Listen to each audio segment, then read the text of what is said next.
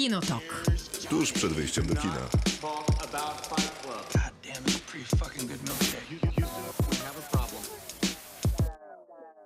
Krzysztof Majewski Miłosława Bożek. Maciej Stasierski. i Kasia Koczuła z Instagrama. Dzień dobry. Dzień dobry. Z Instagrama Kasia, co z tym seksem? Ale czy z Instagrama tak należałoby cię przedstawiać? Tak, można mnie przedstawiać jako, nie wiem, aktywistkę internetową, która głównie się porusza na Instagramie. Dobra, no to w takim wypadku trochę się sama przedstawiłaś, ale prawda jest też taka, że zanim zajęłaś się kwestiami związanymi z seksem, to zajmowałaś się kwestiami związanymi z filmem. Tak, więc łączę te dwie pasje teraz, będąc tutaj. Dokładnie tak, bo dzisiaj będziemy rozmawiać o sex education, a no już lepszej specjalistki y, znaleźć się nie da. No i będziemy rozmawiać o Proximie i będziemy rozmawiać o małych kobietkach, dokładnie w odwrotnej kolejności. Kinotok. Film. Małe kobietki Grety Gerwig już w kinach. Kto lubi, kto nie lubi, rękę do góry. W podcaście możemy chyba powiedzieć aj bardziej niż ręka do góry. Powiedz najpierw, e, za czym mamy podnosić rękę? No, czy za... lubicie? Lubimy, ja lubię. Ja podnoszę. Po, ja też Wszyscy podniosłam. podnoszą. No dobrze, to ja też podnoszę. To zwalę na ciebie, Miłka, biorąc pod uwagę, że jesteś wielką fanką, jako je, jedyna chyba czytałaś książkę. Czytałam. Ja też czytałam. A to przepraszam. No to, to, to tak dosyć y, stereotypowo się ułożyło, nie? Czyli Faceci ja, nie ja przeczytali. czytałem. Ja, za, ja zacytuję Widona Ryder z 94 roku, bo to Bo ostatnie to, małe bo to chyba jest kobietki. z, z ósma adaptacja, ta, którą tak, mamy współcześnie. siódma. Okej. I każde pokolenie zasługuje na swoje małe kobietki i myślę, że Greta Gerwig wzięła do serca to, co powiedział Widona Ryder w 94 i dała nam nowe małe kobietki w taki sposób, że wydawałoby się, że nie da się przepisać jakoś ciekawie czegoś, co już ma Znaczy, w, 150 w lat i 94 wydarzyło pewnie się... myśleli tak samo. Może tak, ale patrząc na to, co się wcześniej wydarzyło w Małych Kobiedkach, to nawet dobrze chyba wziąć parę tych e, sobie filmów, które miały te wszystkie adaptacje, które były, bo one były na takim rozbiciu czasowym, że tam widać faktycznie, jak się czasy zmieniały i jak jest książka przedstawiana, która ma już 150 lat, ale w każdym, I w kino, każdej dekadzie tak, przedstawia nie? trochę inaczej tą opowieść. Tak, ale jeszcze I tak samo jest z Gretą Gerwig. Super ciekawe jest to, że to jest właśnie Greta Gerwig. To jest dziewczyna, którą pamiętam z Frances H., czyli taka, która no, bardzo przypominała postać Joe'a. Kiedy widzi się wywiady z nią, to ona się zachowuje trochę podobnie jak bohaterka Frances H.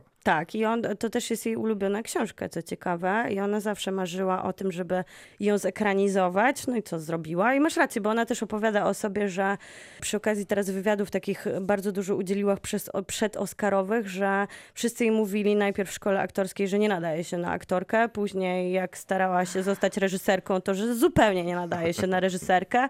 I trochę to przypisanie tych małych kobietek, które wydają się takie archa archaiczne, ale, ale mówią o tym, że, że jest świat zarezerwowany dla mężczyzn, jest świat zarezerwowany dla kobiet i 2020 jakoś też szczególnie aż tak się nie zmienia, jeżeli patrzeć na ten kontekst tego, że tam najwyżej zwykle są mężczyźni i kobiety muszą inaczej walczyć, żeby... I ten, tym chyba jest kontekst Oscarów, który pokazuje, że nominacja dla najlepszego filmu jest, ale dla najlepszego reżysera nie dostała Greta Gerwig, czyli trochę to sam ten film dobrze nadaje kontekst tego, co się wydarzyło w ramach nominacji. Co jest absurdalne z punktu widzenia też jakby rozwoju samej reżyserki Grety Gerwig, bo za poprzedni film, czyli swój debiut Lady Bird, dostała nominację za reżyserię, za swój dużo lepszy, dużo pełniej zrealizowany, wspaniały film nie dostała, Dokładnie. więc no to, Przynajmniej to pokazuje jak bardzo Oscary są głupie. Przynajmniej Ale- udowodniła ze szkoły reżyserskiej, że się nadaje jednak. No ale podobnie było, m, całkiem niedawno rozmawialiśmy o gorącym temacie i podobnie Charlize Theron m, opowiadała o tym, jak produkowała ten film i jakie miała olbrzymie problemy z tym, żeby w ogóle do produkowania filmu za niewielkie pieniądze, bo on tam kosztował y, coś koło 10 milionów, y, żeby w ogóle dostać taki film do zrealizowania. Inną sprawą jest to, że Lady Bird było jakimś absolutnym przebojem, y, A24 zarobił 80 milionów dolarów, no więc siłą rzeczy miała trochę więcej pieniędzy do tego, żeby małe kobietki zrobić. No ale to jest taka droga, w której nikt ci nie pomaga, a faktycznie ta gildia producencka jest zarezerwowana, no głównie jednak prawie tylko i wyłącznie dla facetów. No i to też ciekawe, jak tutaj Louise May Alcott się układa historia, czyli tej pisarki, która Małe Kobietki napisała, bo tak naprawdę Małe Kobietki na początku składały się z dwóch książek. Małych Kobietek i Dobrych, Dobrych Żon. Żon. One są później wydane już, my Aha. czytamy teraz. Małe Kobietki jako jedna. Te Okej. Dobre Żony są już wpisane w Małe Kobietki, ale na początku Małe Kobietki to była historia do czasu, kiedy Joe odrzuca Loriego. I my nie wiemy, co się dzieje później. Spoiler! Przesady. nie da się używać w tym kontekście ani To, książek, to, ani... to widać nawet w zwiastunie. Tak, więc to prawda, więc akurat- myślę, że... Nie oglądam zwiastunów. A, no. No i, i ta opowieść jakby zamykała się na tym, że, że nie było wcale za mąż pójścia później wszystkich bohaterek nagle, które tam e, kończą z pierścionkiem w dobrych żonach i różnymi później konsekwencjami tego pierścionka. I ta historia z wydawnictwem, która się pojawia tutaj w e, Ostatnich Małych Kobietkach, jej nie było na przykład w 94 w ogóle, nie było też w tych wcześniejszych adaptacjach, że jest tam tylko pokazane, że Joe wysyła swoją książkę i z powrotem otrzymuje już po prostu wydany egzemplarz, ktoś go gdzieś zobaczył. A historia naprawdę była taka, że jej wydawnictwo poprosiło ją, żeby ona napisała taką książkę dla dziewczyn, a ona była bardzo niechętna, w ogóle nie podobał jej się ten koncept, bo ona jest Książkę dla Joe. dziewczyn, gdzie Tak. na końcu albo Nie, nie, nie. za mąż, Najpierw, albo umiera. najpierw ona napisała tą część, której nie wiadomo, co się wydarzy. I ona i sam wydawca powiedzieli, o, to takie trochę nudne. I dokładnie jak w filmie, ta książka leżała u niego w domu i jego siostrzenica przeczytała ją i powiedziała, że to jest fantastyczne. Mhm. Ona chce dalszej części, więc e, okazało się to hitem wydawniczym. Też właśnie dlatego, że tam był ten cliffhanger, że nie było wiadomo, co się wydarzy w życiu Joe romantycznie, a wszyscy czekali na to, co tu jednak pada, że musi się pojawić w konsekwencji jakiś mąż. Czy jakieś tam zawieszenie emocji na sam koniec odcinka, znany z seriali, okazuje Tak. się, że I z książek. przeszło wiek temu. No i tak tego nie ma w filmie e, Grety Gerwig, ponieważ e, ukochany Joe, w końcu ukochany, jest dużo starszy od niej w oryginale książkowym i tak samo jest w filmie w 94.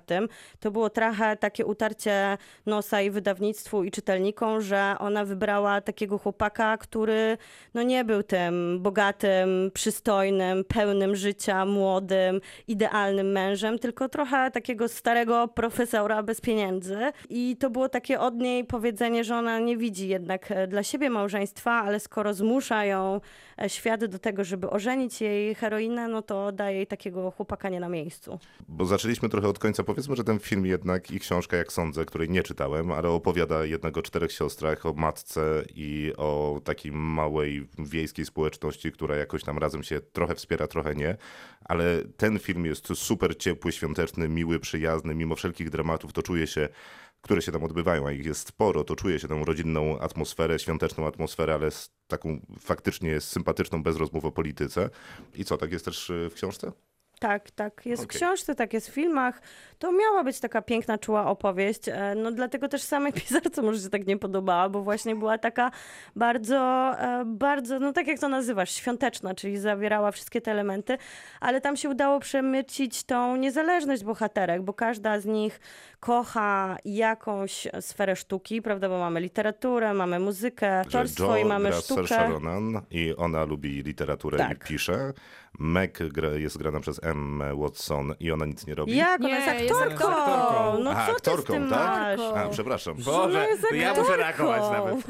No ale gdzie ona występuje? No, No poza... w sztukach W sztukach przez jej, a na, i później w No, szkole strychu. prowadzi, a później w szkole prowadzi prowadzi tą... aktorskie No tak, zajęcia. bo ona, Aktorskie bo ona zajęcia. podejmuje inne decyzje życiowe, nie zauważyłeś? Dokładnie. No tak, no ale, zupełnie ale- nie złożyłem jej sztuki, bo one wszystkie są aktorkami Nie, nie, nie, sensie. one ciągle tam powtarzają i ona sama powinna robić karierę aktorki. Dobra, przepraszam, w takim wypadku Poza tym aktorka trzeba pamiętać, Florence Pugh że- jako Amy jest... Aktorki Malarką. wtedy nie były najłatwiejszym zawodem, raczej e, zostanie aktorką. kobiet, Właśnie, więc- zostanie aktorką raczej kończyło się Tak, z tak, tym, że przestawałeś, mówi, przestawałeś być kobietą. Możesz zostać z, aktorką tak, albo prostytutką, różnica w zasadzie niewielka. Niewielka. I jest jeszcze Eliza Scanlon, która gra Bev i gra na pianinie. Zgadza się.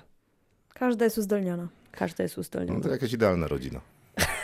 No tylko biedna strasznie i to jest jakby, to wsz- Pozbawiona wiele się, wiele się rozbija o to, nie? Rodzina. Że, a tak, no i poza tym pozbawiona, znaczy nie wiem czy pozbawiona głowy, no to, No, to, to tak Muszą powiedziałaś sobie dziwnie, radzić same. bo No, to, Głową jest Laura Dern, a no jest, tymczasem... jest głową Radern albo Meryl Streep w, niektórych momentach też. A ojciec No jest, jest, na pojawia wojnie. się jeszcze ten ojciec pod koniec, jako taka No klamra. pojawia się trochę, akurat wydaje mi się nie ma, nie ma potrzeby, żeby się pojawiał, bo, bo ten film jest pełny bez niego. Bo ten, bo ten taki ojcowski element jest wprowadzany w formie tych sąsiadów, te, te kobietki tak. mają. Jednym z tych sąsiadów jest y, właśnie mm, Lori, tak, grany przez Timothy'ego Chalamet, z drugiej jego wujek, czy To jest jego wujek. e, Wujek, grany tak. przez Chrisa Coopera, więc no, ten element taki ojcowski tam się pojawia, no szczególnie ten Chris Cooper, który, który bierze pod opiekę tę e, Rodzinę. e, rodzinę i szczególnie tę Bev. u- tę Bev, która, która gra na pianinie. Ale, Ale tu- o, ojciec jest ważny, dlatego Jest. że one bardzo dużo mówią o tym, jak to chcą się zmieniać, dobrze zachowywać, e, pomagać matce właśnie ze względu na ojca, który się poświęca dla ojczyzny. Więc dla nich generalnie jest ważna ta postać, więc moim zdaniem dobrze, że ona się pojawia na koniec. I no to to też on Greta Gerwig- je małymi kobietkami. Tak, ale też Greta Gerwig super to rozegrała, czego nie było wcześniej. Jak on wraca, to Laura Dern jest taka trochę na nie... jest szczęśliwa, że on wrócił, ale jest zła i mówi super, że wróciłeś, bo w końcu będę się mogła na ciebie złościć.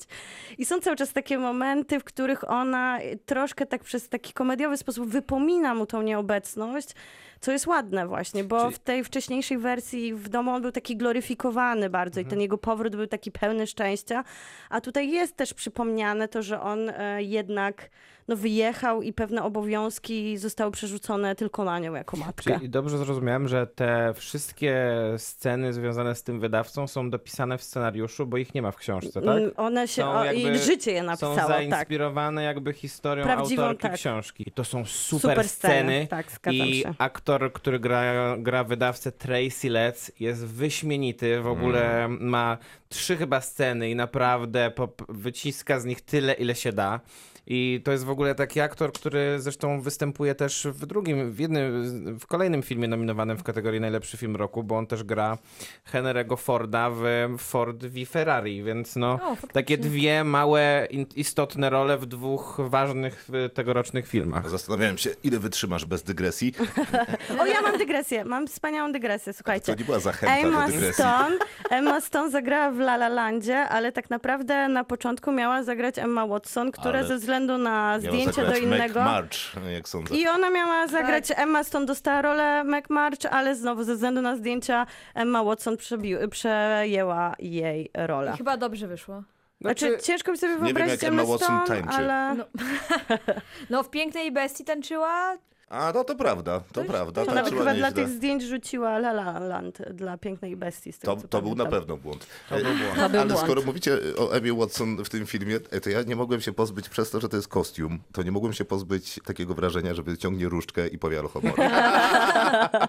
Naprawdę, bo jeżeli już zacząłem te kostiumy, to możemy chwilę kontynuować. Saoirse Ronan, która mm, wybiera się w pewnym momencie z Timothym Chalametem na łyżwy.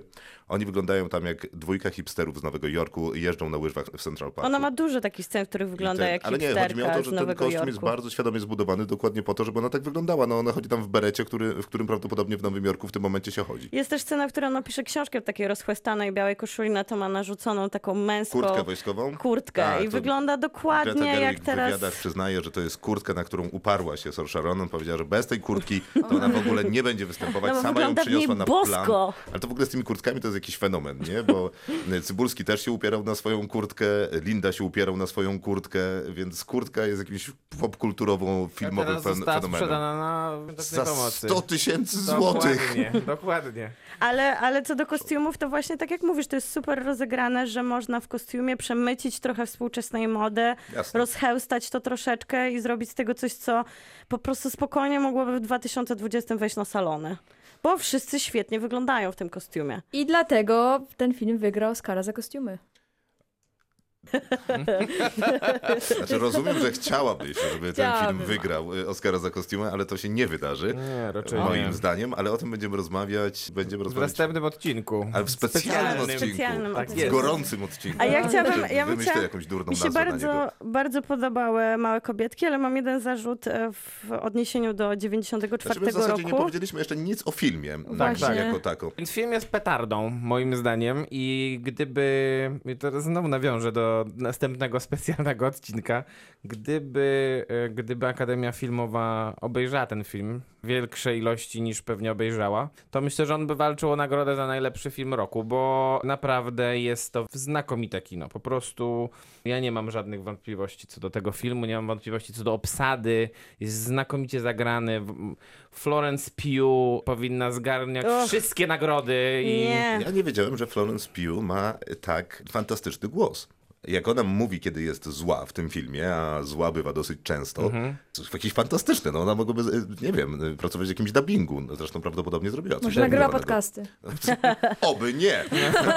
Bo to, To- jest Przegramy. poważna konkurencja. A ta odświeżenia, odświeżona formuła, bo to, co zrobiła Agatha Gerwig, to trochę poszarpała linarną opowieść, którą mieliśmy i w książce, i w No właśnie, to wcześniejszych jest mój problem z tym filmem. wcześniejszych realizacjach, no to tutaj nadała takie nowe tempo i też przez to trochę bardziej skupiamy się na procesie budowania się Joe jako pisarki, jako kobiety, a nie tak bardzo fokusujemy się na romansie, który gdzieś przyświecał na przykład 94 tej opowieści i też książkowo No to on jest bardzo... ją teraz, tak, no. i no. to jest super, że ona to zrobiła.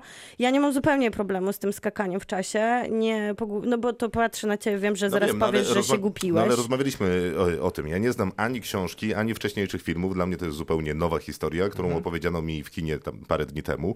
I Ja mam kompletny y, miszmasz y, poznawczy, zwłaszcza, że te sceny przeskakują z jednego punktu do drugiego i one nie są jakieś wyraźne, tam się nie dzieje. Nie no, są, Są wyraźne przecież operatorką nawet samą. No dobrze, są, może są wyraźne operatorką, ale nie są wyraźne tym, co się na tym ekranie dzieje. I dla mnie wyglądało tak jak kontynuacja, ale To- patrzę, chwila, to nie może być kontynuacja, bo ma nawet inną fryzurę. A ty rozmawiasz o teraz o małych kobietkach czy o Witcherze? Przepraszam, bo to... Nie no, Witcher to, czy, to... Maciek, no, jak bardzo głośno nie powiesz, że to było oczywiste i że różniło się nawet operatorką, Tak no to nie powiem. zmieni moich odczuć. Rozumiem. Masz tego świadomość. Mam, A nie skoro- szanuję, ale mam. No to, to już jest twój problem, a nie mój.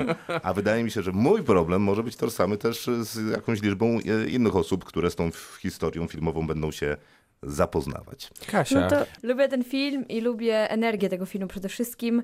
Ja uwielbiam w ogóle Gretę Gerwig i bardzo się cieszę, że ona uwspółcześniła ma małe kobietki, które mam nadzieję, że trafią dzięki temu do większej ilości osób. A najbardziej w tym filmie podoba mi się to, że jest on faktycznie pokazany oczami kobiet. Tam wszystko się dzieje oczami kobiet i mężczyźni są ważnymi postaciami, ale nie najważniejszymi.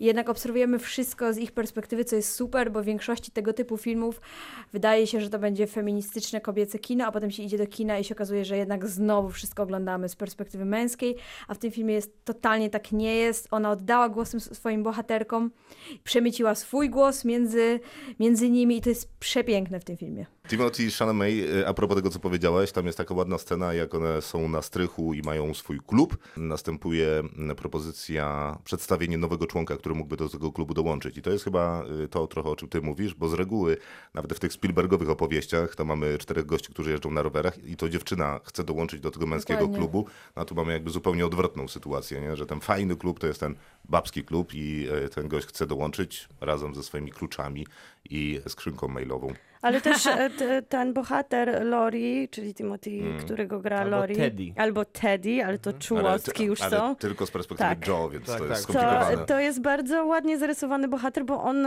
daje dużo przestrzeni dziewczynom. Właśnie Dokładnie. tak subtelnie jest obecny na Ale ekranie. to każdy z tych mężczyzn daje. Tak, to prawda, ale, Ale- jego chyba jest Ale Lori jest o tutaj tyle naj, ciekawy, nadal jest y, bezczelnym, przebojowym, wyrazistym gostkiem. Tak. Nie? Jakby on, jego osobowość nie znika przez to, że daje komuś innemu przestrzeń. Nie? W sensie daje przestrzeń, a pozostaje jakimś takim wyrazistym gościem. No i tu, tutaj trochę właśnie jest e, mój problem, jedyny chyba jaki mam z tym filmem, że książka i te wcześniejsze opowieści skupiały się na tym, że najpierw dziewczynki były dziećmi, dziewczynkami i dorastały.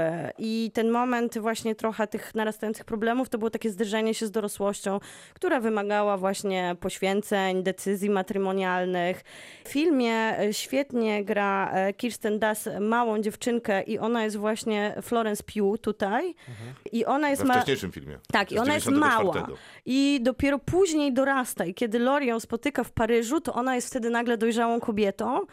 I ten, ta opcja, że ona go kochała całe życie, ma sens, bo ona była takim dzieckiem, które biegało za chłopakiem i było w niej takie, tak zapatrzone, wiecie, jak po prostu małe dzieci w jakiś taki ideał, gdzie ta miłość jest też taka niewinna i czysta. I też widać było tą transform- transformację bohaterów, a tutaj nie widać za bardzo tego upływu czasu. Oni są wszyscy tacy sami przez cały czas do, do momentu kulminacji. Tak naprawdę niewiele się zmieniają. I nie Więc chodzi tylko o fizyczność. Może sposób opowiadania y, mieszanymi czasami jest pewnym problemem. No ale wystarczy... Znaczy tutaj w Florence Pugh wydaje mi się zadojrzała do roli tej wcześnie, wczesnej Wcześniejszej dziewczynki. Dopiero e, ona, jakby widać ją i to, kogo ona gra, jak się starzeje, ale wcześniej ona mi trochę nie pasuje, bo ona się wydaje nawet starsza niż jej, naj, wszystkie siostry są Ja od niej starsze, ona jest najmłodsza. Że to może być dla widzów problem, e, zauważenie tej miłości Amy do, do Loriego przez całe życie, która niby trwała i potem to, co się dzieje w Paryżu, to może być takie, Tak, gdzie, no gdzie, tak. jak, jak to się stało. A właśnie w książce to widać świetnie, jak ona zawsze chciała za nimi biegać, jak ona zawsze chciała być obok niego i naprawdę ko kochała go jak taka mała dziewczynka, kolegę z starszej klasy.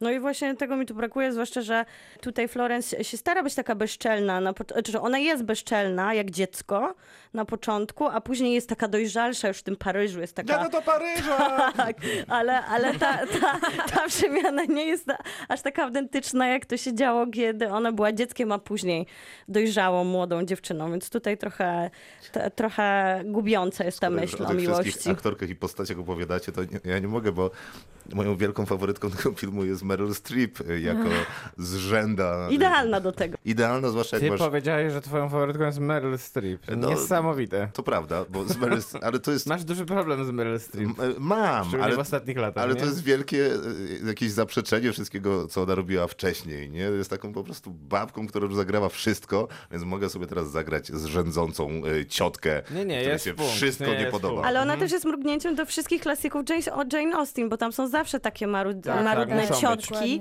Te, które chcą wyjść, Tak, te, tak, które, tak, te, tak. które mają pieniądze i, I martwią dlatego się zawsze mają dobrą radę i ona właśnie tutaj przypomina, że tak wygląda zwykle film kostiumowy, ale my to zrobimy trochę inaczej. Tak, Meryl tak, Streep jest tak. tylko takim, no tak mogłoby być, ale nie Tak, dam bo- wam dzisiaj bo, Jane bo, Bo Austen. w adaptacjach Jane Austen takie role gra zawsze Judy Dench przy Tak, okazji, to prawda. to też jest zawsze dobry wybór, Poza wiadomo, tym- W ale... gruncie rzeczy i tak widziałem Meryl Streep, Judy Dench. E, Ale poza tym, co ciekawe, wszystkie Jane Austen bohaterki, tak jak Emma albo na przykład Fanny, one by skończyły z Lorim. Tak pisała Jane Austen, czyli Tak. właśnie Mhm. dziewczyny miały takiego charyzmatycznego przyjaciela, one były takie super wyzwolone, inteligentne, ale w końcu to się łączyło tą matrymonialną ustawką między nimi. I tutaj właśnie małe kobietki trochę rozbiły ten konstrukt, Ekonomicznym który... kontraktem, Tak. jak utrzymuje Joe March. Nie tylko Joe, bo wcześniej chyba na, tak naprawdę Florence Pugh ma na tą e, Amy, Przemowę ma tą przemowę, w której tak zresztą. mówi o tym, jak, Mhm. e, czym jest małżeństwo dla kobiety. Zresztą e, wydaje mi się, że to jest najciekawsza scena te- tego filmu, bo ona zaczyna tę przemowę, znaczy dla mnie, od tego, że mówi, że nie chce być jakąś malarką. Ona Tylko chce, chce być najlepszą. najlepszą, Najlepszą, najlepszą, I tak. nic innego mnie nie interesuje. I wie, że nie będzie chyba właśnie, Chyba- bo... Tak. przy nie, no, nie ma geniuszu. I jeszcze, jeszcze świetna scena, w której oczywiście Ronan e, jako Joe mówi, już tak jakby mówi o tym, o tych kobiecych sercach i rozumach i o tym, co jest oczekiwane od kobiet, a że ona już nie ma na to siły w tym takim też momencie sprawdzenia się dla niej, kiedy ona opowiada swojej matce, jak bardzo samotna się czuje. Mhm. I to jest też taka bardzo współczesna scena, niezależnie od tego, że jesteśmy w tym kostiumie, w książce, która ma 150 lat, to to jest przemowa, która chwyta wszystkich za serce. Kobiety Myślę, mają duszę kobiety. i umysły, nie tylko serca, mają ambicje i talenty, nie tylko urodę. Mam serdecznie dość ludzi mówiących, że miłość to jedyne, do czego kobiety się nadają. Mam dość. No właśnie. I to jest super, że w większości filmów kobiety też mają takie przemowy, a potem na koniec wychodzą za oczekiwanego bohatera i żyją długo i szczęśliwie. A tutaj jednak jest inaczej. Ona faktycznie o tym mówi, ona się tego trzyma, to jest dla niej ważne. To jest właśnie siła tego filmu, moim zdaniem, że łamie te konwenanse, konwenanse, które przetrwały nawet 150 lat i można je zauważyć nawet dzisiaj. To Greta Gerwig już udowodniła Lady Bird, która Tak. też była filmem, w którym zwykle historia nastolatki przed maturą kończy się, że w końcu idzie na bal maturalny z tym chłopakiem, co chciała i na końcu się całuje z nim i wszystko jednak kręci się wokół tego, że bohaterka chciała zdobyć chłopaka jej marzeń, a Lady Bird udowadnia, że to nie muszą być takie historie i że nie wszystkie dziewczyny na końcu na balu muszą skończyć trzymając tylko tego najważniejszego chłopca za rękę. O małych kobietkach rozmawia się dobrze i spokojnie moglibyśmy rozmawiać dłużej niż trwa ten film. Bo po, pojawiły się w internecie głosy, że scena, nie, że scena tańca jest jakaś kuriozalna i nie za bardzo. Tak, Wspaniała Błagam. jest. fenomenalna. Jest Wspaniała. Ale dlaczego? Dlaczego miałaby być? No, że to taniec zupełnie nie z tej epoki, że.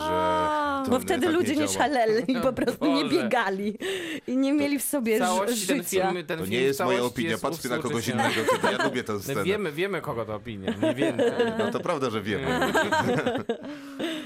Jakby ktoś chciał się dowiedzieć, niech napisze prywatną wiadomość, to wyślę odpowiedniego y, posta. A ja jeszcze chciałam tylko powiedzieć, Naprawdę? że Winona Ryder gra No w dobra. 94 i to była przecież taka dla tamtej epoki It Girl, czyli taka właśnie, wiecie, dziewczyna, Jaka? Która... It- It Girl to Eat jest... girl? It, Do jak- zjedzenia? Nie, It. It, ta It. dziewczyna. Ta dziewczyna. Aha.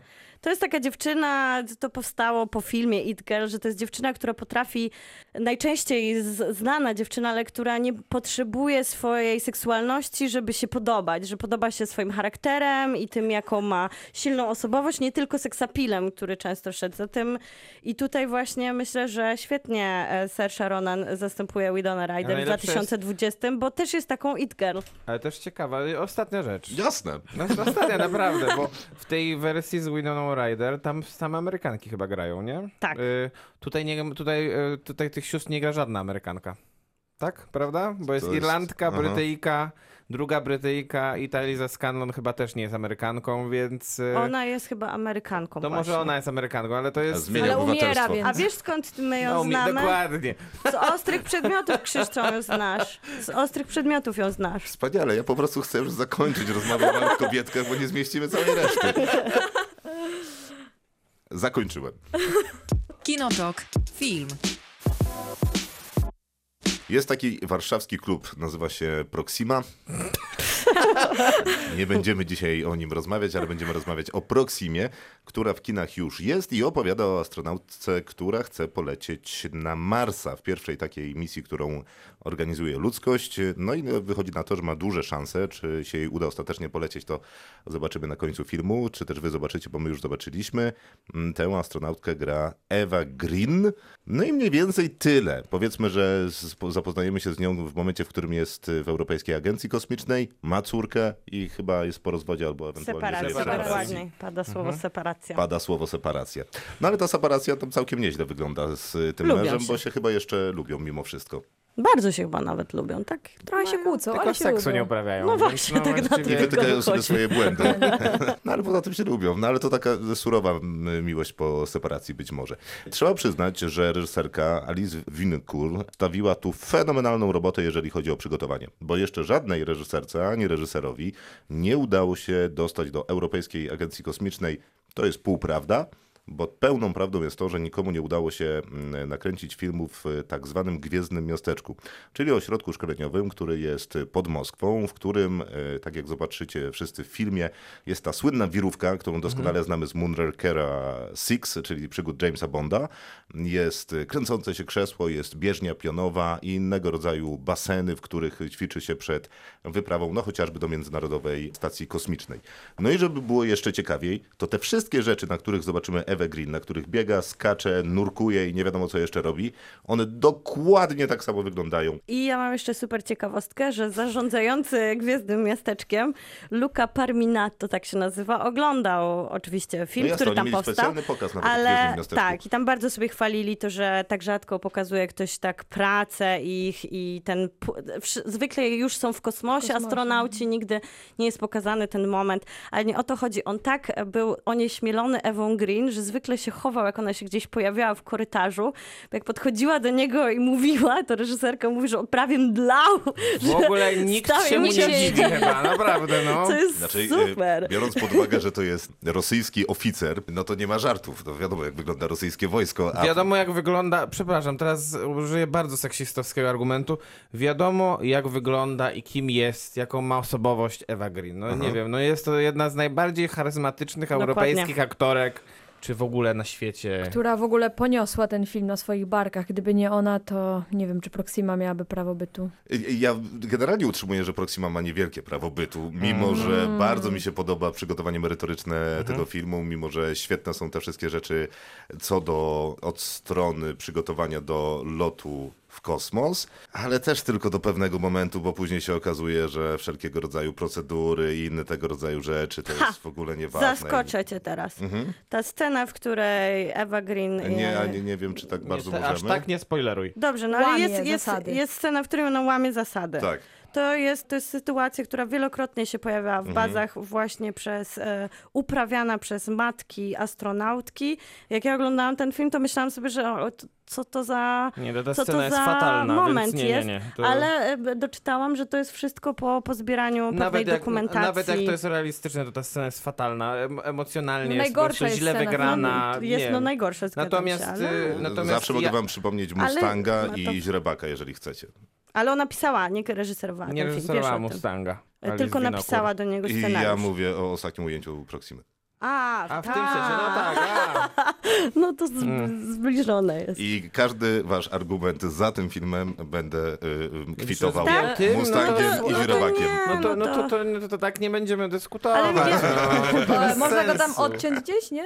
Mi się podoba na przykład tutaj ten brak kosmosu, który towarzyszy przez cały Mi też film, e, jako taka nowa konwencja sci-fi, która opowiada o astronaucie, ale już nie w kontekście No, to jest właśnie film, o- to jest film takiego o matce, patosu. a, która Ale, przypadkiem jest ale nie, no nie, no to nie zgodzę się tutaj, To, bo to jest jednak jej, niewiarygodne według jej- ciebie? Co, że to jest film o matce? Nie, to, to w jaki sposób jest to pokazane? No, Dlaczego? wydaje mi się, że już chyba zastanawiam się, co jeszcze może stać się córce Ewy Green, A żeby co się jej dzieje Nic tam jej takiego? się nie dzieje. każdy kolejny etap, w którym y, Ewa Green ma do zrobienia w przygotowaniu do tej misji Mhm. lotu na Marsa, dostaje informację o tym, że córka złamała nogę, y, No zgubiła gada, się, nie, no zgubiła błagam, się nie, na no to samolot. przeginasz, nie, no, ale nie, tak nie. jest, no to nie, jest, tak jest w filmie. Teraz, to się, co, no właśnie tak, No ale tak ale, jest w filmie. ale to jest jakby normalne, to, jest, to są To są przypadkowe zdarzenia rzeczy. losu, które Ale- zdarzają a sam- się a same akurat normalne- wtedy. Ale czy to nie było zostało zrobione specjalnie? Właśnie, żeby pokazać Może. kontuzję wszystkich córek, wszystkich matek, które, którym zdarzają się takie sytuacje i one muszą się z nimi mierzyć i no ojcowie kosmonauci, astronauci nie muszą zazwyczaj się mierzyć z takimi rzeczami, no bo jak córka złamie nogę, no to dzwoni do mamy, a nie do taty. Więc mi się wydaje, że to jest specjalnie pokazane, że tyle rzeczy się może zdarzyć po drodze i tyle trzeba rzeczy zrobić, żeby polecić ten kosmos jednak i zostawić to dziecko. Mi się, mi, ja w ogóle nie mam A do jak tego się za... jest kobietą, to chyba trzeba zrobić tych rzeczy tak naprawdę dwa razy Tak, albo trzy tak, razy tak. więcej No to jeszcze. dokładnie, I- dlatego ona tak często łamie te nogi. Ale tutaj jest super, jest ta zamiana ról, że dochodzi do, do, te- nagle do głosu ten ojciec, który był nieobecny, któremu ona na początku nawet trochę sugeruje, że nie do końca wie, czy on będzie w stanie się zajmować ich córką. Czemu jakby on jest w stanie zupełnie sprostać, bo nagle ma do tego okazję i zostaje jakby wrzucony w tą rolę matki, co nie zmienia faktu, że ona tą matką zawsze pozostanie też i te, te sceny, w których właśnie ona musi się martwić o córkę, ale nie może zareagować, bo jej praca Bo na to nie odcięta, pozwala Tak, no. no, są, są jakby może nawet i przerysowane, ale oddają ten, e, ten kontekst macierzyństwa, który na pewno w takich sytuacjach, e, kiedy kobiety są, na, nie muszą być astronautkami, ale są odcięte od swoich dzieci, czują e, W ogóle się nie ciężar. zgadzam, że są, że są przerysowane. Według mnie akurat y, relacja tutaj między Ewą Green a jej córką jest zarysowana w sposób wiarygodny, ciekawy, przejmujący w wielu, wielu momentach. To, w jaki sposób są pokazywane te, te też słabości postaci granej przez Ewę Green, jak bardzo ona musi być zastępowana przez kolejne osoby, to też jest bardzo ciekawe, bo, bo przez to, bo przez to jej, jej kreacja jest jeszcze bardziej nadbudowana tym... Co znaczy, tym... że ma być zastępowana przez kolejne No przez, osoby? najpierw przez ojca, tak? Potem, potem y, jest taki moment, kiedy jest zastępowana przez y, tę jakąś tam y, urzędniczkę, czy jakąś taką pomocniczkę graną przez Sandrę Hiller, więc są takie momenty, kiedy ona, ona sama siebie zawodzi i zawodzi też swoją córkę i przez to jej kreacja, jej postaci jest jeszcze bardziej ciekawa według mnie. Ewa, Ewa Green udźwiga, dźwiga ten film i dźwiga tą postać niesamowicie s, stabilnie. A nie tylko relacja jej z córką, ale w ogóle relacje jej z byłym mężem. Czy Ale też na przykład z tymi astronautami. No astronautami. to To, jak ona musi walczyć na wszystkich frontach. Jako matka, jako partnerka, jako osoba... e, Współpracowniczka. pra- współpracowniczka, Mhm. jako osoba, która musi udowadniać dużo więcej i dużo bardziej, że się nadaje I też, do tego. I też takie podsumowanie kobiecej Mhm. cielesności, która jest jednak inna, więc ona musi włożyć jednak więcej pracy w niektóre sytuacje, więcej się od niej wymaga i ten świat jest jednak zarezerwowany zupełnie dla mężczyzn i wchodząca tam kobieta, na początku to widać, Zaburza jak, równowagę. jak zaburza tą równowagę, jakie tam są napięcia, które później oczywiście się są w stanie, jak każda sytuacja, dopasować, kiedy Ale ludzie to się też- lepiej poznają. Ale to też jest tak ale to za, tak, ale to czas jest zaburza bilans, który... Bo, bo, bo, niby, bo niby ta relacja z tym bohaterem granym przez Mata Dillona się w, w pewnym momencie ustabilizuje, ale są Ale wciąż momenty, kiedy oni, no, on, im, on jej wbija szpilę za każdym razem, jak tylko może. Poza więc... tym jest tam gdzieś jakiś taki dziwny, wibrujący podtekst seksualny, który też jest super rozegrany tylko paroma spojrzeniami, który też nagle sobie uświadam, e, uświadamiam, oglądając taki film, że faktycznie wprowadzenie kobiety do zamkniętej przestrzeni z mężczyznami i ta seksualność, która tam e, wibruje na takim dłuższym czasie tak wiele zmienia. Więc to nie jest tylko walka płci, ale to faktycznie ma, ma sens, że te rzeczy się zderzają ze sobą, te sytuacje się zderzają ze sobą i są trudne dla wszystkich stron.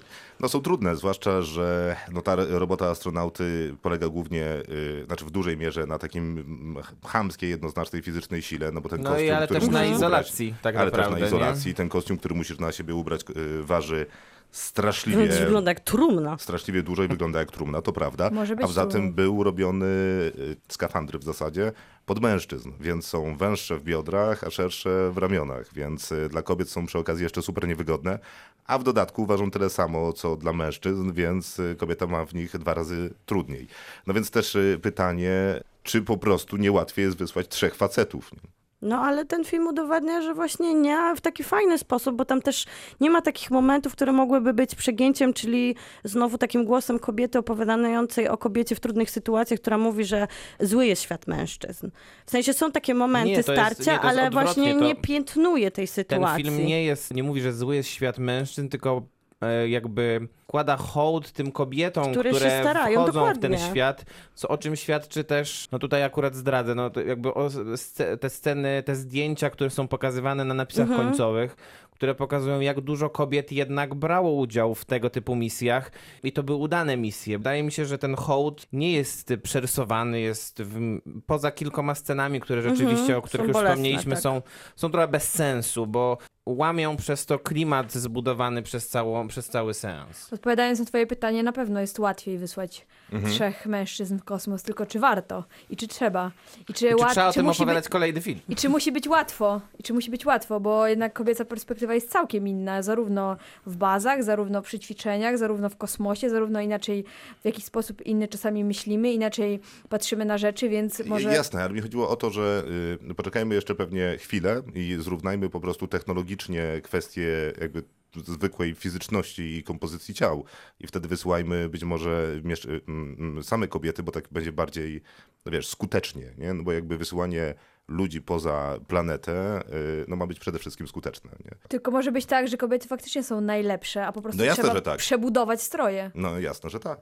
A jeszcze tylko tak powiem, że y, dla mnie Proxima była super przełamaniem y, w filmach kosmicznych, Mhm. bo jak oglądałam na przykład First Man i bardzo kocham ten film, ale ja już mam dosyć, y, mam już dosyć takich filmów o tej samej perspektywie męskiej i tych samych filmów o bohaterach, którzy lecą w kosmos nam tutaj odkrywać świat. No ale Czy to tam była wszechświat? opowieść też o człowieku, który y, leci w kosmos po to, żeby zapomnieć trochę o bólu po utracie dziecka. To Jasne, jasne. to, ja, nie, to nie jest tak, że te wszystkie filmy są takie same. Nie są, ale jednak, jednak ta stylistyka jest taka sama. Te filmy kosmiczne, cała ta, ten humanizm, ostatni film e, z Bradem Pittem, jak się nazywał? Ad Astra. Astra. E, właśnie. Te wszystkie filmy są podobne, one są ogólnie o humanizmie, o człowieka, To był z kolei podboju. człowiek, który leci y, odzyskać swojego utraconego ojca. No ale ogólnie chodzi mi o trochę humanizm, y, że cała metafora tych filmów jest takie, że humanizm ludzi przekracza Ziemię, przekracza wszechświat, że, wsze- że odnajdujemy, szukamy w kosmosie tego, co mamy na Ziemi.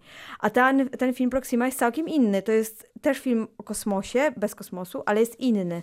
I mi się to podobało, że w końcu ktoś szuka innej perspektywy opowiadania o kosmosie. Mi się bardzo podobało, kiedy chyba pierwszy raz w tym gwiezdnym miasteczku Eva Green spotyka Mata Dillona, a w, chyba wcześniej jeszcze Rosjanina nawet i zaczyna z nim rozmawiać po rosyjsku. Następnie e, przychodzi Matt Dillon, e, zaczynają rozmawiać po angielsku. Najpierw rozmawia w ogóle z tą Ktoś kobietą, która przechodzi jeszcze obok i rozmawiają po niemiecku. I faktycznie jest tak, że wszyscy ci astronauci mówią w pięciu językach e, i komunikują się w ogóle bez żadnego problemu, co też było fajną opowieścią w kontekście Ewy Green, która jest francuską z urodzenia, ale chyba nie wiem, czy ona miała z 10 lat, jak się wyprowadziła do Anglii, tam mieszka dobre 20. No a jako aktorka, która jest spokojnie znana na całym świecie, no to też y, operuje w bardzo różnych kulturach i to bardzo fajnie wygląda, kiedy ona właśnie spotyka tych ludzi no i rozmawiają w tych pięciu językach. Co też wydawało mi się y, jakoś wątpliwe, że znają różnego rodzaju kultury, pracują cały czas w międzynarodowym środowisku, a mają problem z zaakceptowaniem kobiety. No ale to jest moja perspektywa, która jest tu chyba niepopularna. nawet- Niepopularna jest, Niepopularna. więc generalnie ty nie polecasz, a my polecamy ten Nie, film. Tak, Tak, zupełnie ja, ja w ogóle lubię bardzo takie intymne sci-fi i zgadzam się z tym, że mało było takiego, y, takiej perspektywy. Tylko, że to nie Dla jest mnie w zasadzie pierwszy- fantastyka naukowa, nie? W, W sumie nawet taki trochę, e, trochę pa- dokument, taki nie? dokumentalny bardzo oddźwięk ma, ale trochę dla mnie pierwszy człowiek jest tym filmem, który już zmienia perspektywę, bo to Ad Astra mi się wpisuje bardziej w ten taki klasyczny mit zdobywania kosmosu przez białego mężczyznę o trochę supermocach. E, Tam, gdzie zawsze jednak siedzi w tej kapsule i ma rozmowę sam ze sobą. Ale jest taki fajny kanadyjski film Perspektywa i tam jest ujęcie z perspektywy ojciec-córka w podróży kosmicznej i oni są razem już w kosmosie, co też jest super, bo, bo myślę, że pozostawianie rodzin na Ziemi, niezależnie od tego, czy się jest ojcem, czy matką, chociaż na pewno perspektywa matki, jak pokazuje pers- pe- Proxima, wszystko zmienia, jest w ogóle ciekawe w kontekście podróży kosmicznych. E, To przy okazji może warto polecić tym razem nie serial ani nie film, tylko podcast i to nie nasz.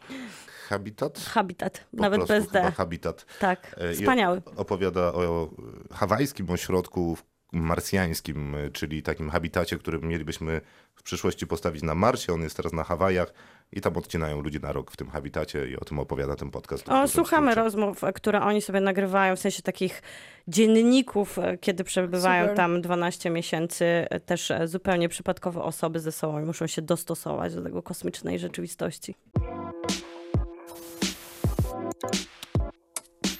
Kinotok. Serial. Sex Education na Netflixie. Kasia, e, chyba musisz znać ten serial na wylot. W zasadzie jesteś chodzącą akcją promocyjną tego serialu. Tak się zdarzyło przez przypadek. Tak, Sex Education, czyli serial o życiu seksualnym nastolatków, a dokładnie o tym, o tych wszystkich problemach, które mieliśmy, jak mieliśmy te naście lat, wchodziliśmy w naszą seksualność. Serial generalnie opowiada o grupie dzieciaków, które zaczynają poszukiwać wiedzy i przypadkiem zdarza się tak, że jeden z nich ma matkę seksuolożkę i dzięki temu może tej wiedzy im poudzielać w sposób taki dokładniejszy, lepszy i dzięki temu na tym trochę zarobić, jakiego koleżanka, Seks dzieciak tak zwany. tak zwany seks dzieciak, jakiego koleżanka go przekonała, że skoro można na tym zrobić biznes, to czemu nie?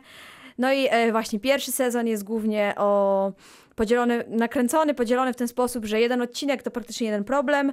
W drugim sezonie już mamy trochę, trochę tą narrację zburzoną, wciąż poruszamy się po konkretnych problemach, ale to jest bardziej takie rozmyte, nie jest już tak, że konkretny odcinek, konkretny problem i dzięki temu chyba drugi sezon, przynajmniej według mnie, jest lepszy od pierwszego. Też mam takie wrażenie, takie bardzo szybko, jeżeli chodzi o ocenę, że jest lepszy. Ja sobie wypisałem e, przez chyba pierwsze trzy odcinki, e, co tam się pojawia z takich właśnie kwestii. I tak, mamy choroby weneryczne, slut shaming, usta nieustające nastoletnie erekcje, masturbację w każdej możliwej odmianie, udawanie orgazmu, rozmowy o seksie z partnerem czy partnerką, żeby poszukiwać tego, czego faktycznie chcemy. Seks, hmm, i tu wpisałem po pięćdziesiątce, bo nie wiem, ile mają akurat... Dorosły taki, dojrzały można Dojrzały. Powiedzieć, to w kwiecie wieku, powiedzmy, niechęć do zgłaszania molestowania. No mnóstwo jest tych e, Tylko trzy tematów. odcinki.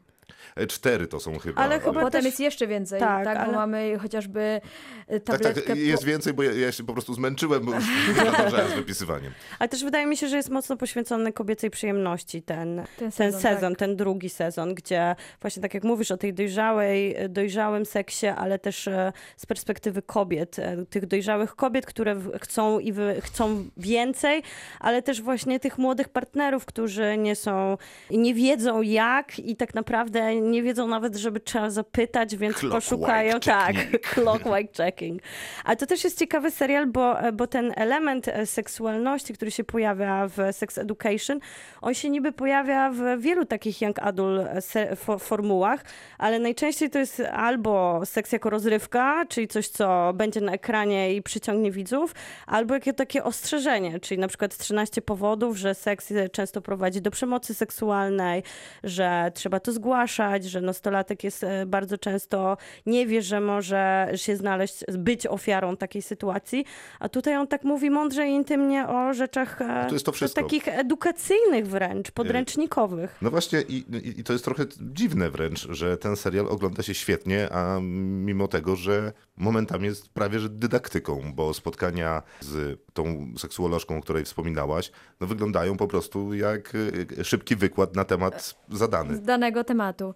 No i ten serial jest wyjątkowy, jeśli chodzi właśnie o inne seriale Young Adult, dlatego że on opowiada o seksie w nurcie, przede wszystkim pozytywnej seksualności i opowiada o seksie jako o czymś e, fajnym, dobrym i o czymś do robienia wśród nastolatków, że to nie jest tak, że nastolatek seks to choroba weneryczna, ewentualnie ciąża, a tak w ogóle to przemoc, tylko że nastolatki uprawiają seks, e, lubią seks i nie powstrzymamy ich przed tym, więc zamiast to robić, to po prostu ich edukujmy i pokazujmy im dobre wzorce. Tak, to ja się Te- tym zajmuję na co dzień. E, I po prostu to jest właśnie super w tym e, serialu, że on pokazuje e, seks nastolatków jako coś fajnego. Problemy, które nastolatki mają, okazuje się, że mają takie same problemy jak na przykład osoby dorosłe i mają też takie same problemy jak wszędzie. To nie jest tak, że to są jakaś dan, jakaś jedna brytyjska szkoła, w której dzieciaki uprawiają seks, tylko jak ja na przykład słucham o problemach polskich nastolatków, to są dosłownie takie same rzeczy.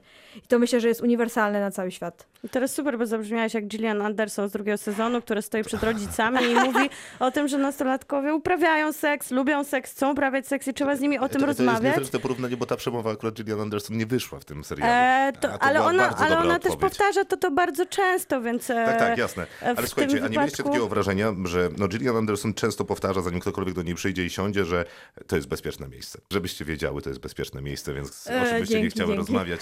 Natomiast, znaczy, no bo mówi, że to jest jakieś tam angielskie miasteczko, a czy to nie jest takie e, trochę rajskie mm, e, angielskie miasteczko, w którym wszyscy mogą być tacy, jacy chcą. No jedyne, co ich czeka, to to, że ktoś się raz zaśmieje, ale mm, autentycznie ta grupa społeczna zrozumie, że popełniła błąd i e, samo się naprawi, a wszyscy są dobrze ubrani, nie mają większych problemów, a na rowerze zawsze jeździ się z górki. No jest tak trochę, jest tak trochę, trzeba powiedzieć, że jest jednak trochę wyidealizowany obraz, bo jednak ich spotykają złe, smutne i straszne rzeczy, ale to są takie rzeczy, które możemy przez jeden odcinek przeżyć i, i już w następnym ich nie no, ma. no właśnie, że nie mają jakichś poważnych nie mają jakichś konsekwencji. takich, po- ale nie wiem, czy, nie wiem, czy ja tego oczekiwałam po tym serialu. W sensie, Ale właśnie Ja nie. Jest ja za zadaję to pytanie ale tak z jest, ciekawości ale jest za bardziej. dużo serialów, które Właśnie. ostrzega przed niebezpiecznymi... euforię, nie wiem, właśnie, euforia, A 13 to jest powodów. inny, inny rodzaj serialu i ja, no fajnie, że mamy też taki serial, że w, faktycznie są problemy, ale są one rozwiązywalne i pokażemy wam jak i powiemy wam jak to rozwiązać i, będzie lepiej, nie? Więc ja nie, nie traktuję tego serialu jako, wiecie, y, obrazu rzeczywistości zastanej. Poza tym A to ta... może inaczej. ta- Czy to- oglądając ten serial jest coś, z czym się nie zgadzasz? W sensie na przykład Gillian Anderson albo Seks Dzieciak opowiadają y, o czymś albo odpowiadają na jakieś pytanie, a ty rzucasz kartkami i mówisz, co? Co to jest? Nie zgadzam się. 1960? Nie, nie, nie, pod tym względem nie, absolutnie. Ten serial jak najbardziej nadąża za trendami seksuologii i na to, w jaki sposób mówimy o seksie w tym momencie. Nie wiem, porusza chociażby temat aseksualności, w którym mówi, że aseksualność jest e, normą i jest e, już w tym momencie zaczyna być, podchodzić do tego, żeby była uznana za jedną z orientacji, więc Czy pana seksualności? Nie, aseksualność. Ale pana seksualność też się pojawia w Pan, kontekście Oli. pan seksualność też się postawia w kontekście o- Oli, więc generalnie chodzi o to, że on bardzo nadąża za tym, co się dzieje w seksuologii, więc absolutnie nie ma tam żadnych soul 1960. Jedyne co, jak ja mam zarzut, ale to nie jest taki w sumie zarzut, po prostu no ja jednak bym wolała, żeby dzieciaki uzyskiwały pomoc właśnie od częściej od Gillian Anderson niż od seks dzieciaka, bo no, on ma 16 lat i to Nie są- ma i doświadczenia. I, nie ma doświadczenia i te niektóre jego rady nie są trafne, co później wychodzi, jak on wychodzi jedna dziewczyna z gabinetu i mówi, ona jest dużo lepsza od seks dzieciaka. No bo powinna być lepsza, tak? Jest seksuolożką, jest wykształcona. Więc to jest jedyny mój taki zarzut, ale wiem, że tak to działa, bo ja też byłam tą osobą, która odpowiada na pytania. No ale to chyba nie Ale- ma nic w tym złego. No, w sensie Nie, nie jest- najpierw najłatwiej zadać pytanie kumplowi czy koleżance, yy, sprawdzić co oni na ten temat, później sprawdzić to w Tak to się internecie, odbywa. Tak, to się odbywa, chociaż nie, po, ale powinno się odbywać tam. może faktycznie z kimś, kto ma doświadczenie i, i to jest fajne, że on pokazuje, że nie, nie powinniśmy się bać dorosłych. A to może w inaczej. Czy sensie- każdy powinien y, w swoim nastoletnim życiu y, pójść do seksuologa? Nie. Nie, to nie jest, nie jest obowiązkowe, obowiązkowe.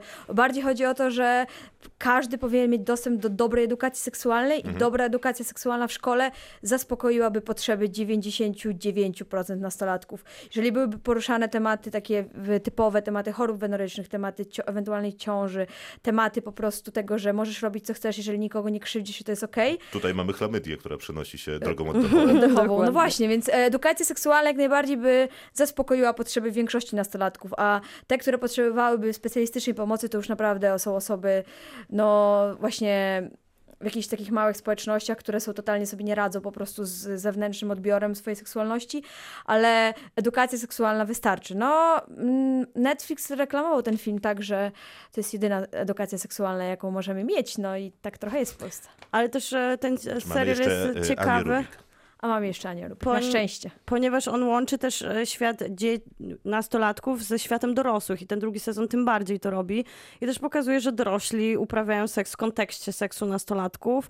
Jest go coraz więcej, tam też oni mają problemy i łącząc te dwie rzeczywistości, to się staje serial taki uniwersalny nie tylko dla oglądania z perspektywy nastolatka, ale spokojnie może go też oglądać dorosły człowiek, dowiadując się dużo o problemach młodych, ale też o własnych problemach, więc każdy tak naprawdę znajduje miejsce, żeby się gdzieś wczuć w tą, w tą produkcję. A jeszcze chciałam wspomnieć o tej e, konsekwencji e, tego, jak to wygląda, bo to wygląda, ten serial wygląda jak taki jest Teledysk? współczesny, trochę wygląda jak teledysk, trochę ma dużo tych retro odwołań, chociaż wiemy, że to jest współczesny świat, bo są telefony komórkowe i te wszystkie sprzęty, to to jak oni są ubrani i to jak, jak, jaki świat ich ten intensywna konsekwencja kolorystyczna, to tutaj e, showrunnerka odwołuje się do filmów lat e, 80., zwłaszcza do na przykład Breakfast Club. Ona jest wielką fanką Johna Hughesa i właśnie mówi, że wszystko, co robiła, to w takim kontekście tego, że w latach 80. były bardzo modne takie filmy dla młodzieży o młodzieży, gdzie dużo było tego i była duża widownia i okazało się, że tam można było przemycać dużo właśnie takich edukacyjnych treści, których teraz wydaje się, że coraz mniej się przemyca w produkcjach jak adult. No i ten serial jest właśnie o młodzieży i dla młodzieży, że faktycznie jest e, o młodzieży, nie, nie stara się jakoś tak, e, nawet nie zakłóca tego balansu, nie stara się, żeby było porówno, tylko faktycznie ta młodzież ma głos i to jej problemy są najważniejsze.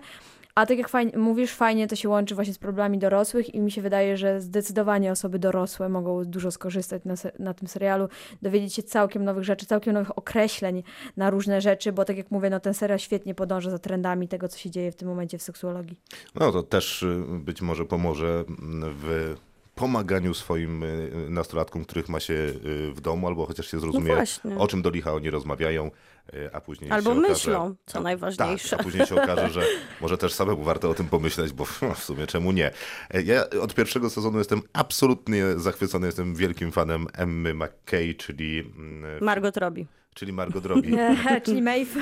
czyli Maeve, czyli siostry Margot A jak Robbie. ci się podoba przefarbowana?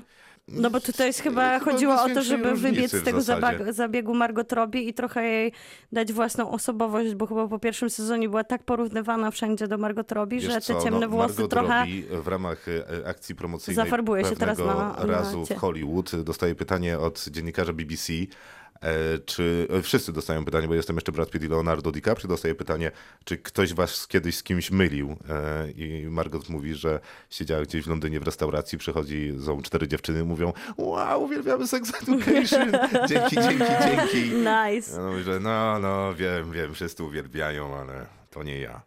No to, to, a w tym drugim sezonie pojawia się trochę nowych bohaterów, ale bardzo subtelnie, co też jest fajne, że oni pozostali konsekwentni i trochę bardziej poznajemy tych bohaterów wprowadzonych nam w pierwszym sezonie, trochę bliżej. I przez to wydaje mi się taki, że to są już ludzie, których poznaliśmy dobrze, trochę taka Lubimy ich. i lubimy ich, czujemy się z nimi bezpiecznie, taka właśnie konwencja grupy przyjaciół, która świetnie działa z perspektywy nastoletniego serialu, bo czuje się młody widz torsamy z, e, z tą grupą odniesienia. No, To jest, jasne. to jest super w drugim sezonie, że właśnie trochę e, zdjęli z barek Otisa i Mhm. Erika i Maeve e, m, główne role, tylko dali każdemu bohaterowi, każdej bohaterce jakieś swoje historie i jest ich więcej i one bardziej wybrzmiewają, już trochę dali im spokój. A jeszcze tak powiem, zapytam, bo to jest chyba Ja najbardziej... tęsknię, no ale To jest chyba najbardziej e, kontrowersyjna rzecz, przynajmniej najwięcej krytyki to zebrało w, drugi se, w drugim sezonie.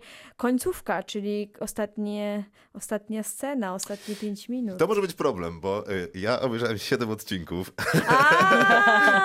więc ja jestem y, jeszcze niewinny, nic Jeszcze nie wiem. niewinny jesteś, dobra. Ale końcówka to jest ta oś e, romantyczna, która Tak, się rozgrywa, tak. bezspoilerowo. I e, dlaczego to jest problem? bo- Będzie potwierdzone, już jest trzeci Tak, sezon. tak, no bo jest krytyka, że ile można. Czy Maeve A, będzie z Otisem, no czy nie tak, będzie. no ale nie? to tak właśnie będzie można i można i A to można. nie, to w takim jest wypadku e, y, kwestia... też chciałbym wiedzieć, ile można, bo ja gdzieś w okolicach trzeciego epizodu pierwszego sezonu pytałem siebie, ile można, no może już byliby razem. Tak, I końcówka na już jest taka bardzo podobna No do tego, taka- bardzo podobna do tego, co było w pierwszym sezonie i to jest takie, no ile można czekać? Aha. No ale nie, nie wygląda tak świat nastolatków, że czeka się i czeka się i czeka się całą wieczność co, do rozwiązania. Ja, ja nadal czekam na moją nastoletnią miłość. No i właśnie. Nieważne ile sezonów za tobą już. No ale tutaj ładnie się bawili tą konwencją e, spotykania się i odbijania od siebie bohaterów Czekajcie, przez cały sezon, ja Chciałem jeszcze myślę. poruszyć jeden y, poważny temat, ym, a trochę się teraz naśmialiśmy. A ten poważny Porusz. temat brzmi tak, czy te wszy- dużo, nie wszystkie, ale czy dużo problemów nastolatków, jakiś tam bullying, jakieś tam segregowanie się, auto być może tych dzieciaków w różnych grupach, ym, uznawanie jednych za tam cool, a drugich za nie cool, czy to wszystko albo w jakimś stopniu ma podłoże około seksualne? To jest pytanie do ciebie, Kasiu. Yy, Bo ten serial stawia trochę taką tezę. W sensie ja to tak czytam. że jest takie, chodzi ci o przenoszenie problemów innych na podłoże seksualności? Czyli No problem- nie, że z, z uwagi na pro, jakieś tam frustracje seksualne, niezrozumienie, nieakceptację e, być może innych orientacji albo innych potrzeb e, sprawia, że pojawiają się innego rodzaju problemy. Zdecydowanie. Mhm. Zdecydowanie tak jest, że osoby, nie wiem, no osoby na przykład y, homoseksualne y, od początku mają całkiem inne, inne, m, inne patrzenie na przykład na, na rówieśników, Mhm. na bycie w grupie rówieśniczej i to jasne, że to się przenosi na, na wszystkie inne dziedziny życia i, i ma na to wpływ. Tak samo jak na przykład jesteś osobą aseksualną i wszyscy, każdy inny wydaje ci się normalny, inny, a ty jesteś inną osobą, więc automatycznie się odsajdujesz od, od wszystkich, tworzysz swój świat, masz swój świat. Tak samo jest z Lili w tym serialu, która ona ma pochwicę, y, czyli nie może sobie nic włożyć i rysuje te mm, komiksy A, o okej. bohaterkach.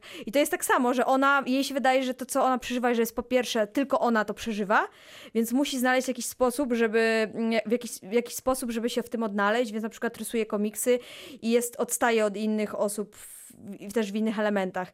Więc to jest bardzo typowe, że generalnie problemy związane z seksualnością nas definiują i nas definiują też w innych rodzajach. Tak, bo mamy też Adama, życia. który Tak. ma jakąś taką y, tłamszoną, on chyba w końcu mówi, że jest biseksualny. Tak. Ha, a tak. nie jest pan w końcu seksualny jak... e, Y, nie, pan, seksualny jest seksualna Ola. jest A nie, Ola. oni mają tak samo?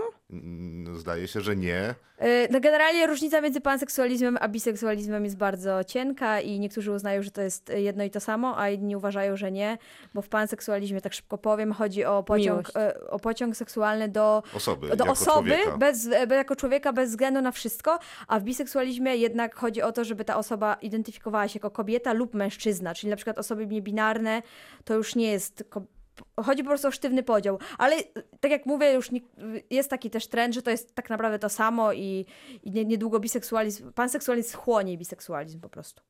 Ale d- wracając do tego, że mówiłeś, że to wszystko jest takie ładne i miłe, to jednak w tym drugim sezonie jest ta sytuacja molestowania w autobusie, która kładzie się cieniem takim mocno tra e, traumatycznym na bohaterkę. Na cały sezon. I na cały sezon. I bardzo wzruszająca scena, kiedy e, jakby przyjaciółki i taka girl power pomaga w końcu przełamać tą traumę bohaterce, którą to spotyka, No którą wszystkie- internet przyjął do serca i wszędzie już Ja teraz po prostu można chciałem, widać. żeby chociaż raz jechali pod górkę na tych rowerach. No, chociaż raz. Wszystkie nas łączą niechciane penisy, więc e, ta scena, To jest super. ta scena jest po prostu świetna pod tym względem. Sex Education zdecydowanie godne polecenia, zarówno pierwszy, jak i drugi sezon, chociaż nie mogę się pozbyć wrażenia, że ten drugi sezon właśnie porusza więcej tych e, Jest problemów lepszy, i jest lepszy. częściej jeździ się w nim pod górkę. Ale to Część- jest, to jest e, fan, fantastyczne, bo rzadko serial tak udany, bo on przyjął wielką, świetną prasę po pierwszym sezonie, wraca z lepszym odsłoną w drugim sezonie. No właśnie, bo e, nie wiem, czy pamiętasz e, serial na pewno, nie wiem, czy ty widziałeś, Kasiu, z kolei, czyli The End of the Fucking World. Widziałam, widziałam. Przy czym pierwszy sezon wydaje mi się absolutnie e, Tak. zjawiskowy, to drugi zupełnie przegrywa. A to są jakby trochę podobne opowieści, no może nie no dokładnie nie, no tu same. mamy edukację, Ale tam mamy o to, raczej... że młodzi ludzie w Young jakimś tam adult. zamkniętym young adult, też jakiś taki bliżej nieokreślona Anglia, nie? E, a poza tym główni bohaterowie mi się e, strasznie kojarzą nawzajem ze sobą. No trzeciego sezonu The End of the Fucking World nie, Nie będzie. będzie. a trzeci sezon Sex Education będzie Na całe szczęście. na pewno. No i super, bo ten bym obejrzał, a tamtego niekoniecznie. To był Kinotok. Dziękujemy serdecznie za ściągnięcie tego odcinka i za wszelkiego rodzaju subskrypcje, które się w różnych miejscach pojawiają. One się pojawiają, jest ich coraz więcej, a to nas satysfakcjonuje. Jeszcze ogłoszenia towarzyskie e, a propos statystyk. A wyglądają one tak, że jesteśmy na 44. miejscu polskich podcastów w kategorii film i rozrywka. Nie bardzo wiem, co to znaczy, ale jesteśmy w pierwszej 50, więc jest okej. Ja bym chciała Dziękujemy, pierwszą trzydziestkę. Proszę o pomoc. dziękujemy jeszcze raz Kasi Koczułab za to, że przyjęła zaproszenie i w następnym odcinku usłyszycie naszą dyskusję na temat Oscarów. Tak, on będzie wyjątkowo w środę. Kasia, z, to, z tym seksem na Instagramie. Kiedy będziesz miała podcast? Szybko. Aha. Dobra. Dziękuję bardzo. Kinotok. Tuż przed wyjściem do kina.